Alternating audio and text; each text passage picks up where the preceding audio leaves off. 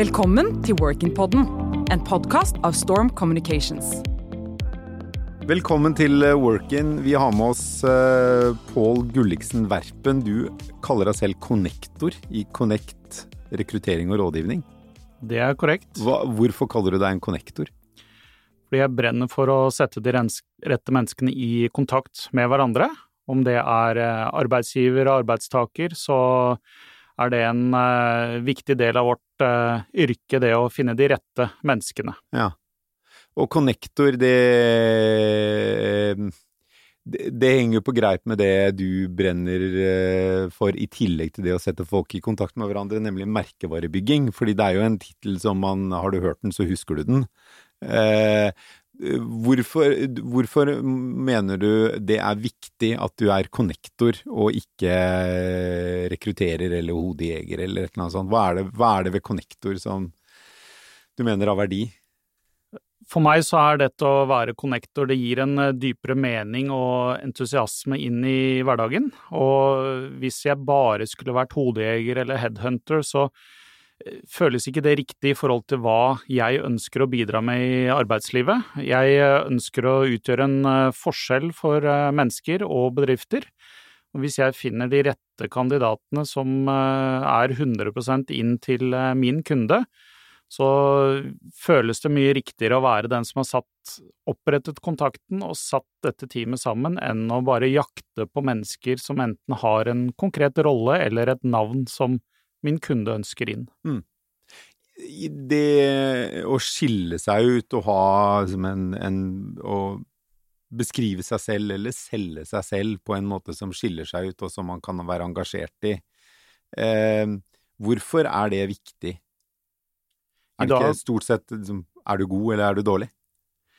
I dag er det veldig viktig. Det er jo mange som får et navn fordi de har levert gode resultater og er attraktive på den måten. Samtidig er det veldig mange stillinger eh, og bedrifter som endrer seg i den verden vi lever i nå. Og vi ser spesielt at salgsledere, prosjektledere, avdelingsledere eh, finnes det i hopetall, men det er veldig vanskelig å skille klinten fra hveten og finne ut hvem passer inn hos hver enkelt kunde.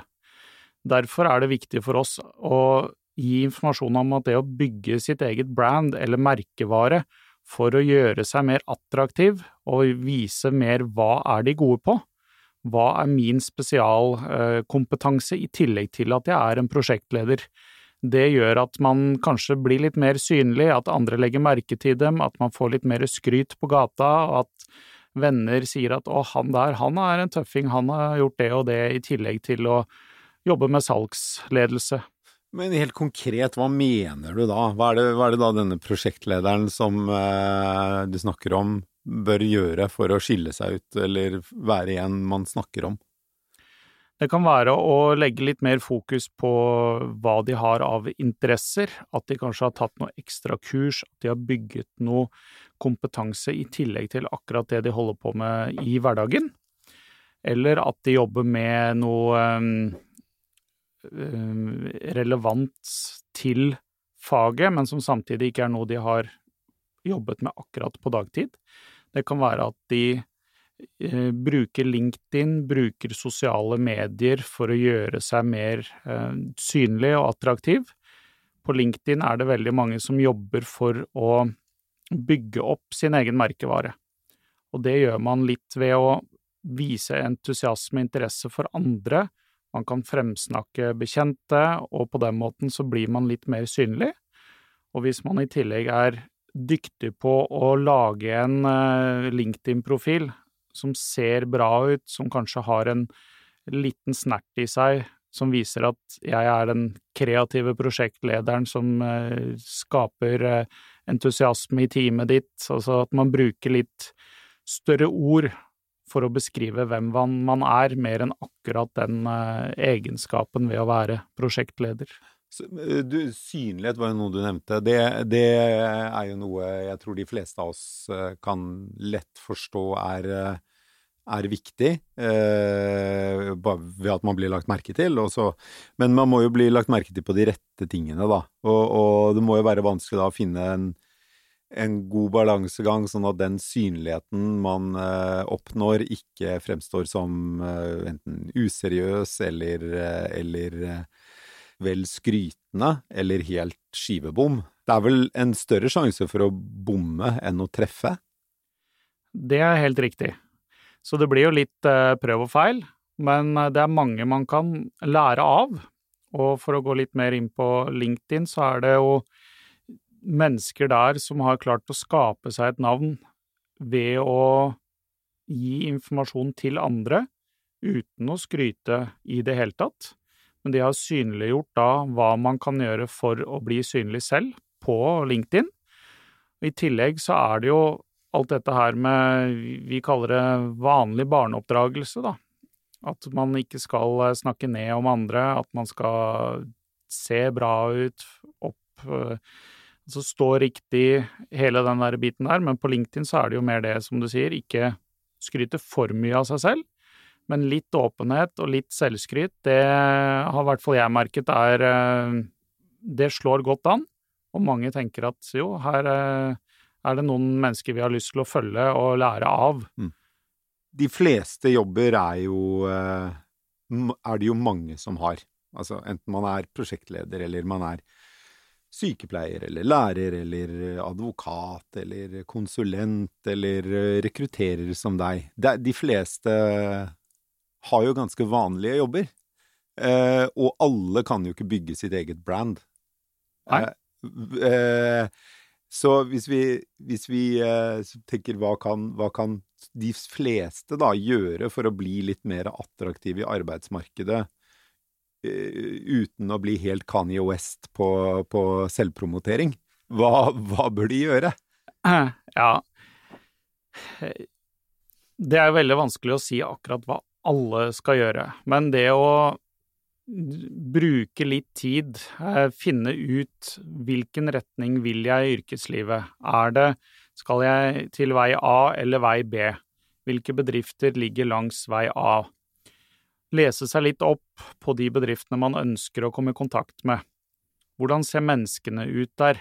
Hvordan, eh, hva slags holdning har bedriften til mangfold? Alle disse tingene som er litt i tiden nå. Og så må man prøve å bygge seg litt opp, sånn at man skaper en interesse hos disse bedriftene.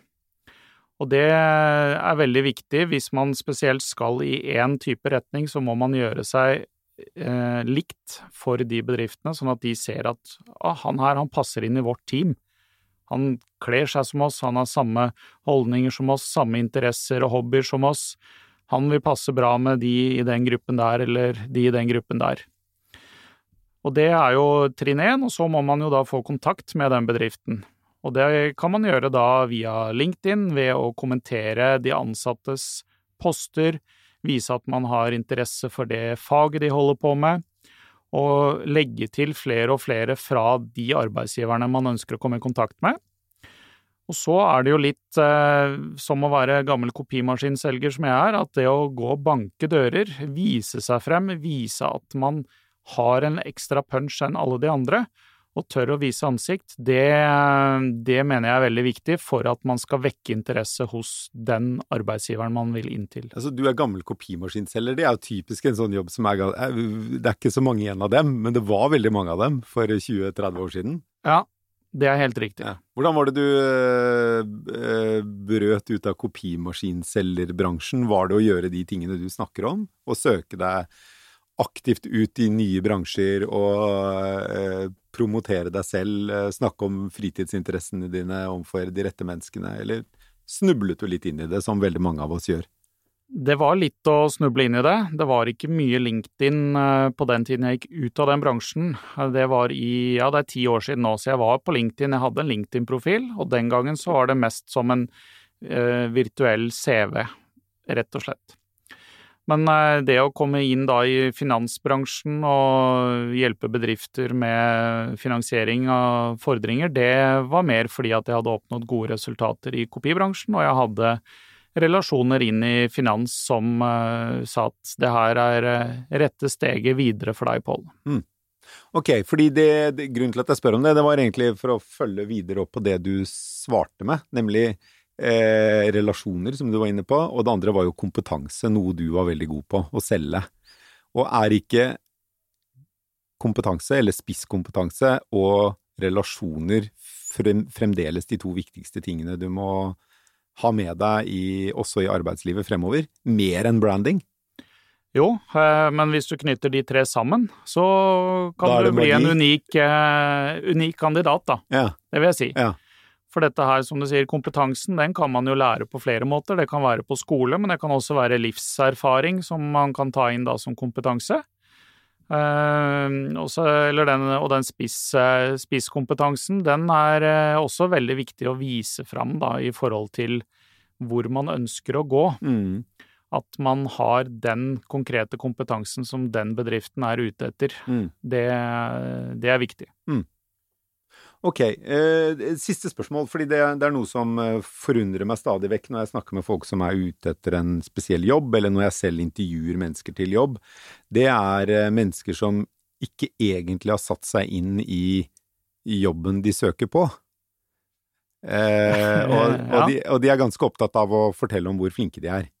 Riktig. Eh, har du noen Utover det å liksom vise interesse for jobben du søker på, hva bør en, en som er i en jobbprosess særlig være bevisst?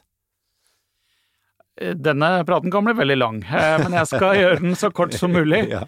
Det er veldig viktig å fremstå profesjonelt. Du må vite hvilken stilling er det du eh, søker på, hvilken stilling kommer du da på intervju til, og du må forberede deg godt. Du må vite hva er det den bedriften jobber med, hva har de søkt etter, hva står i utlysningen, hva står eventuelt på nettsiden deres.